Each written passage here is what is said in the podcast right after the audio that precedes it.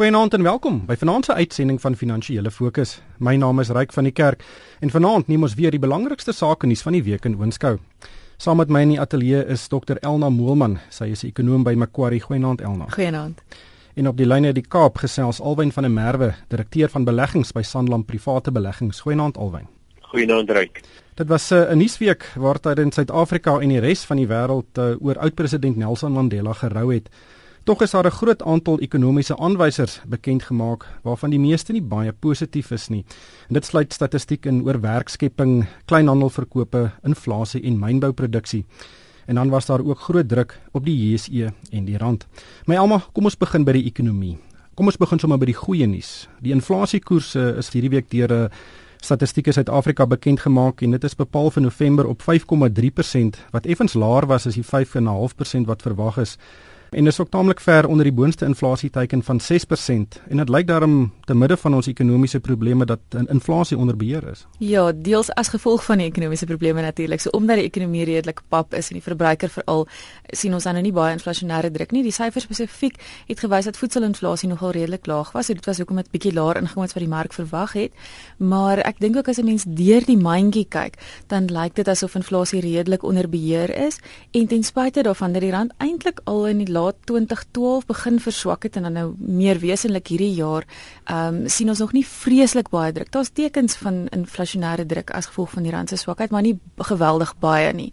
En dit dink ek is absoluut krities in terme van die Reserwebank se besluite vir volgende jaar. So op hierdie stadium dink ons hulle gaan nie rentekoerse volgende jaar opsit nie omdat inflasie onder beheer is as dit wel so uitdraai dat die rand dalk verder verswak en of inflasie 'n groter probleem word, is daar 'n risiko dat hulle dalk rentekoerse volgende jaar reeds sal moet opsit en dit sal baie slegte nuus wees vir 'n ekonomie wat reeds papperig is en 'n verbruiker wat ek dink dalk nog verder stoom kan verloor. Hmm. Alwen die rentekoers is op die oomblik een van ons mees stabiele uh, ekonomiese aanwysers uh, en hy was al baie wisselvallig in die verlede. Maar dit lyk daarom of hy oor die volgende ten minste die korttermyn soos Elma nou sê nog konstant gaan bly. Dit is daarom 'n bietjie goeie nuus. Ja, aan die een kant is dit beslis 'n uh, goeie nuus ryk uh, want enige sekerheid in die ekonomie uh, dra dra natuurlik positief bly, maar ek dink as jy mooi na Elna geluister het, is die rentekoers laag oor redes wat eintlik nie goed is nie. Dit is omdat die ekonomie pap is, is die rentekoers laag en natuurlik omdat inflasie ook onder beheer is, maar soos hy ook gesê het, oor redes van van papheid op op baie gebiede. Uh maar soos ek sê, ek dink ten minste vir 'n besigheid wat uh deur 'n sakesiklus moet bestuur, ten minste vir so 'n besigheid is natuurlik belangrik dat hy uh, sekerheid moet hê rondom rentekoers en ek dink dit is beslis 'n positiewe ding. Ek dink net uh saam met die inflasiesyfers en so voort, soos dit vir my en Elna kan laat 'n kommentaar lewer, is dit vir my natuurlik ook interessant. Ek dink dit lyk vir my of die Reservebank am half 'n dubbele mandaat het. So dit is nie net inflasie nie, maar hulle hou daarom ook hulle oogie oor ekonomiese groei en omdat die ekonomiese se groei na my mening maar papperig is, uh sou ek met daai saamstem dat as ons nie 'n groot krisis op die op die rand het nie, uh gaan ons kwaliek sien dat rentekoerse volgende jaar gaan toeneem. Hmm. Elna, daar was 'n groot debat op Twitter nadat die 5,3% syfer bekend gemaak is um, en en is baie duidelik dat die persepsie dat die inflasiekoers 5,3% is nie baie algemeen is nie. Mense dink hy's eerder nader aan 10%. Ehm um, weet ons raak nou opgewonde oor desimale syfers uh, wat beweeg op die inflasiekoers. Hoe akkuraat dink jy is hierdie 5,3%? Ek dink die 5,3% meet akkuraat wat hy behoort te meet of wat hy probeer meet. Die probleem in terme van wat 'n mens ervaar, is dat baie van hierdie goedere in die mandjie jy nie elke dag koop nie. So die dinge wat jy elke dag koop, byvoorbeeld voedsel, mens dink ook aan petrolpryse ensovoorts, daar is jou inflasiekoers dalk 'n bietjie hoër. So dit wat jy elke dag ervaar is dan nou baie hoër en dis een van die redes hoekom 'n mens dan nou soms begin twyfel oor die akkuraatheid van die totale syfers. Mens nou dink aan die tipe goedere wat dit 'n bietjie onder beheer hou, is byvoorbeeld huurinkomste, dit hou dit bietjie onder beheer. Mens dink ook hier aan motorinflasie het dit wel begin styg, maar jy praat nog hier van inflasie van 4%. Nou as jy in hierdie jaar 'n kar gekoop het, nie gaan dit nie jou persoonlike inflasie mandjie affekteer nie. Kom ons gesels 'n bietjie oor uh slegte nuus en dit was veral werkskepingssyfers wat Statistiek Suid-Afrika bekend gemaak het vir die derde kwartaal. Ehm um, die syfers was dat daar 16000 nuwe werksgeleenthede in die kwartaal geskep is teenoor die tweede kwartaal van die jaar. Ongelukkig was 15000 van hierdie werksgeleenthede in die gemeenskapssektor of in die staatsdiens. Terwyl daar net 1000 in die private sektor was. Ehm um, Elna, dit is net nie goed genoeg nie. Dit is nie en dis die een groot risiko myns insiens vir volgende jaar. As mense nou dink sake vertroue, ons praat nou van 'n ekonomie wat papperig is en baie onsekerheid ensovoorts. So sake vertroue nie verbeter nie en die vooruitsigte nie sterker en meer seker is nie, is dit mo moeilik om te sien hoe die en diensname prentjie beter gaan wees. En as dit die geval is, gaan die verbruiker papperig bly en dit was natuurlik maar wat ons deur die resessie gedra het, is 'n redelike sterk verbruiker. So in in geheel lyk like die vooruitsigte vir die ekonomie dan maar redelik papperig. Ek moet sê statistiek Suid-Afrika het twee opnames wat hulle doen. Hierdie een is hoofsaaklik 'n refleksie van wat in groot besighede aangaan. Dan het hulle natuurlik ook 'n huishoudingsgebaseerde opname wat hulle doen. En daardie een lyk so 'n bietjie beter. Nou, ons is nog nie heeltemal seker of dit is as gevolg van nog regeringswerksgeleenthede nie, met ander woorde hierdie sogenaamde expanded public works program dat dit daardie werksgeleenthede is en dit lyk dalk of daar 'n paar werksgeleenthede geskep word in jou kleiner besighede. As dit die geval is en as dit volgehou word, sal dit goeie nuus wees. Ehm um, maar op hierdie stadium so wat jy sê is dit maar groot kommer. Ja, alwen as mens na die sektore gaan kyk, weet kleinhandel het 7000 werkgeleenthede bygevoeg, maar dan het vervaardiging, konstruksie en die mynbou sektore tussen hulle 10000 werksgeleenthede verloor. Hoe sien jy hierdie hele werkskepingssituasie uh oor die kort en medium termyn? Wat dink jy moet gebeur sodat ons die nodige werksgeleenthede skep wat die ekonomie nodig het? Ek dink jy net aan kyk vanuit die private sektor se oogpunt. 'n Maatskappy sal bloot iemand in diens neem as hy dink die persoon van waarde toevoeg en dat hy as gevolg van die indiensnemingsproses groter winste gaan maak. So dit hang tot 'n groot mate af van hoe die sake vertroue is en op 'n mikrovlak. En wat ons net eenvoudig gesien het is dat uh oor 'n wye spektrum besighede en nywerhede het winsgewendheid onder druk gekom en die sektore wat jy nou genoem het wat die ooglopende is is spesifiek in die mynboukant as gevolg van die feit dat dat hulpbron uh pryse sedert die hoogtepunte van natuurlik 2008 redelik onder druk gekom het en as gevolg van al die arbeidsprobleme en en druk op arbeidskoste is dit net eenvoudig van uit 'n besigheidsoogpunt nie die moeite werd vir sakebestuurder om iemand aan te stel in hierdie onsekere omgewing nie.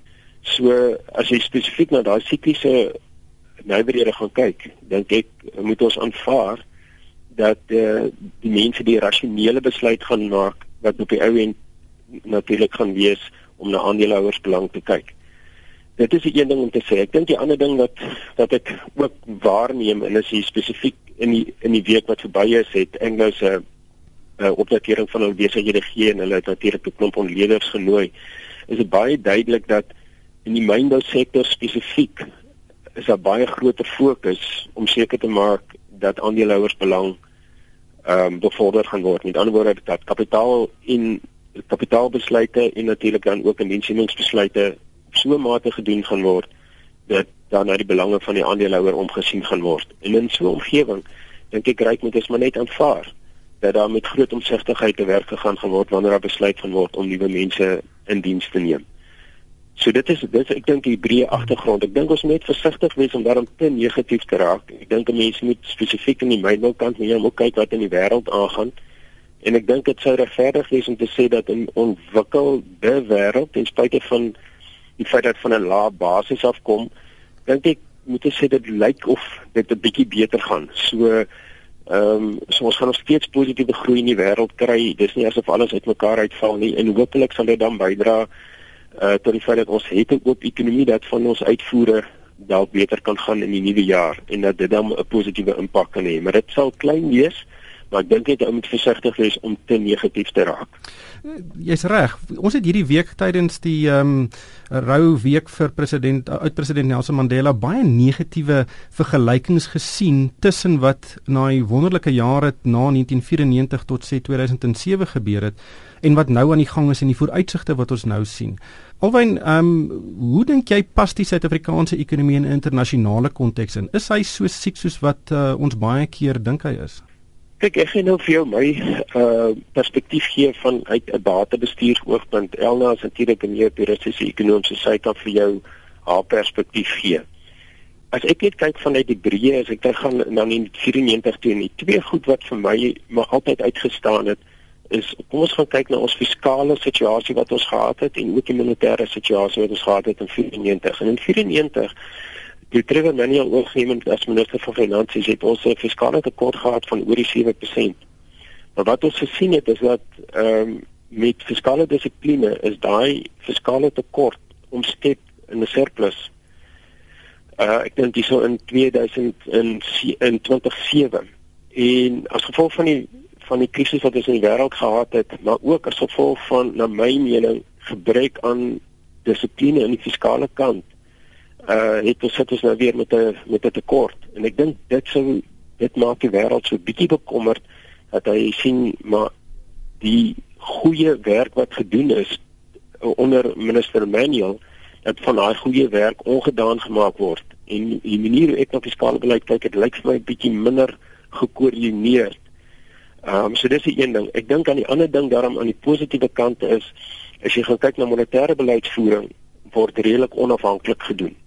En dit is ook baie duidelik vir my nogal as ek na die laaste paar uitsprake van John Marcus luister, is dat sy wel graag daai onafhanklikheid behou en sy is ook krities. So dit so ek dink dit is 'n positiewe ding. Maar wat vir my pla vanuit 'n wêreldkonteks en dit is wat my pla rondom Iran is dat as ons kyk na ons produktiwiteit, is dit 'n probleem en as ons kyk na ons eenheidsarbeidskoste, is dit 'n groot probleem. En dit was die een ding wat wat natuurlik in 'n rigiede uh wisselkoersstelsel die Grieke op die oomblik gekelder het. Nou in ons geval is daar net een ding wat jy wat kan gebeur uh om jouself nog steeds mededingend te maak in wêreldkonteks en dit is dat die rand word verswak. Nou ons reken die rand is onderwaardeer op hierdie vlakke, maar gegee hierdie tendense wat wat ek nou aangespreek het, dink ek ten spyte van die feit dat hy dalk ondergewaardeer is, jy het nie vir my op 'n goeie tendens vorentoe nie as ons nie hierdie hierdie bekommerenswaardige tendense gaan aanspreek nie.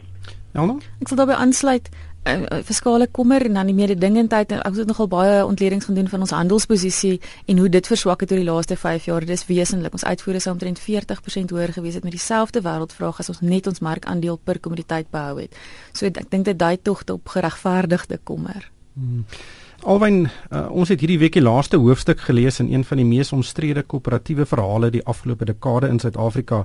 En dis natuurlik die mynbou regte saak tussen die Session Iron Ore Company wat natuurlik deur Kumba besit word, die staalvervaardiger ArcelorMittal en Imperial Crown Trading, 'n baie onbekende groep met politieke bande wat uh, baie amper 21% van die Session myn um, daar in die Noord-Kaap verniet gekry het. Nou die saak het in 2009 begin toe alle toe alle mynbougroepe hulle ou orde mynregte moes omskakel na nuwe orde mynregte en die Session Iron Ore Company het toe 79% van die regte besit en hy het toe inderdaad aansoek gedoen om dit om te skakel. ArcelorMittal het 21% van die ou orde regte besit maar hy het nie aansoek gedoen om dit om te skakel nie. Ehm um, die departement van minerale bronne het toe op 'n baie omstrede wyse die 21% van die regte, die nuwe orde regte aan Imperial Crown Trading gegee.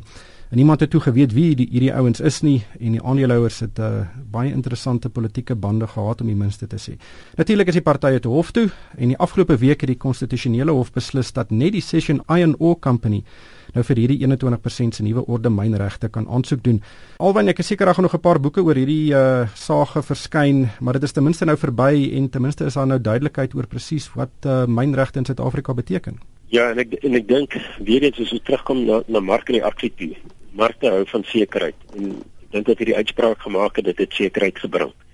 As jy teruggaan na die na die vorige uitspraak toe, ehm um, het die Noord-Gautengse hof het uiteindelik vir Kumba Eystererts uh 100% van hierdie regte toegeken. Wat natuurlik nou gebeur is soos jy heeltemal reg sê, is dat Kumba moet nou aansoek doen vir die oorblywende 21.4% en hulle moet dit binne die volgende 3 maande doen, maar hulle gaan sal dan, dan nou uiteindelik met 100% van die regte sit. En ek en ek dink vir my maak dit natuurlik sin Kumba myne area hulle is vertroud met dit, hulle het die kapitaal om dit te kan doen ensovoorts en hooplik sal dit ook sekerheid nou bring tussen die ooreenkoms wat wat Kumba met ArcelorMittal sal hê. Daar is 'n interim ooreenkoms dat dat die uh mynbou aktiwiteite van die streek dat dit aan aan uh, ArcelorMittal voorsien moet word teen koste plus 20% wat deur die mark gesien was is effe negatief vir Kumba, meer positief vir vir ArcelorMittal. Uh maar ek dink ons sal nou ook dit ten minste sekerheid kry rondom daardie prysvasstelling wat 'n mens dan beter sou in staat sou stel om beide ware op ArcelorMittal te sit en natuurlik op op op Kumba. Uh, so ek dink, soos jy sê, baie boeke sal of daar sal baie daaroor geskryf word, maar wat belangrik is is dat ek dink die regstelsel het hier gewerk en vanuit 'n beleggings vanuit 'n beleggingshoogpunt is hulle sekerheid rondom beide Kumba en ArcelorMittal. Hmm. Uh, net laastens hier tyd is besig om ons in te haal. Um, Alwyn die die JSE was hierdie week regtig onder druk. Hy het donderdag byvoorbeeld met 2,7% geval of 1200 punte wat uh, wat wesenlik is um, en die korttermyn tendens wys afwaarts um, nadat ons vir die grootste deel van die van die jaar eintlik taamlik goed vertoon het. Wat is jou indrukke van die van die beurs op die oomblik en en en waartoe dit op die korttermyn en mediumtermyn kan beweeg? Ja, ek dink dit ons ons beurs het baie goed gedoen voor hierdie daling. Ons het beurs omtrent 15% op vir jaar net die kapitale gedeelte en dan kry jy nog so 'n klein dividendgedeelte by. En 'n sekere gedeelte van die beurs het natuurlik vir ons redelik duur begin lyk. So dit is geen verrassing vir ons dat dat die beurs nou begin wisselvallig vertoon nie bloot omdat ons dink dat dit so bietjie aan die dierkant lê nie. Nou wat die wat die wisselvalligheid veroorsaak na my mening is maar hoofsaaklik sentimentskuive wat kom wat gebore word in Amerika. Die groot probleem in Amerika is of die groot vraagstuk in Amerika is wanneer die Federale Reservebank sou besluit om hulle uh stimuleringsmaatreëls af te skaal en soos die mark se sentimente rondom dit verander, het dit 'n wesenlike impak op die pryse van riskante bates. Nie net riskante bates nie, natuurlik ook ehm um, effekte. Dit is baie interessant, ryk as mens kyk tot omtrent September was daar 'n baie goeie korrelasie tussen ekonomiese positiewe ekonomiese syfers en die rigting van die mark. Met ander woorde, as ons positiewe ekonomiese syfers wêreldwyd gekry het, spesifiek in Amerika, het aandele aandelepryse positief daarop reageer. Maar wat nou gebeur is, want na September het daardie verwantskap verander. Wanneer ons positiewe ekonomiese syfers gekry het, het die mark gesê, maar nou is ons nader aan die punt waar die Federale Reservebank hulle stimulus gaan afskaal en hierdie mark negatief help reageer en dis presies wat ons in die week in die in, in die week gesien het. En dit is ook baie inter, interessant om te sien is dat ontlikeende markte meer aggressief gereageer het op daardie nuus. Met ander woorde Suid-Afrika is in daai mandjie waar ons meer sensitief is en dit is maar presies wat ons gesien het uh die week homself uitgespeel het op die JSE. Inderdaad 'n baie interessante perspektief. Uh, ongelukkig is dit alwaar vir ons tyd het vanaand. Baie dankie aan Dr. Elna Moelman. Sy is 'n ekonom by Macquarie en uh, Alwyn van der Merwe, direkteur van beleggings by Sanlam Private Beleggings. En van my ryk van die kerk, dankie vir die saamkuier.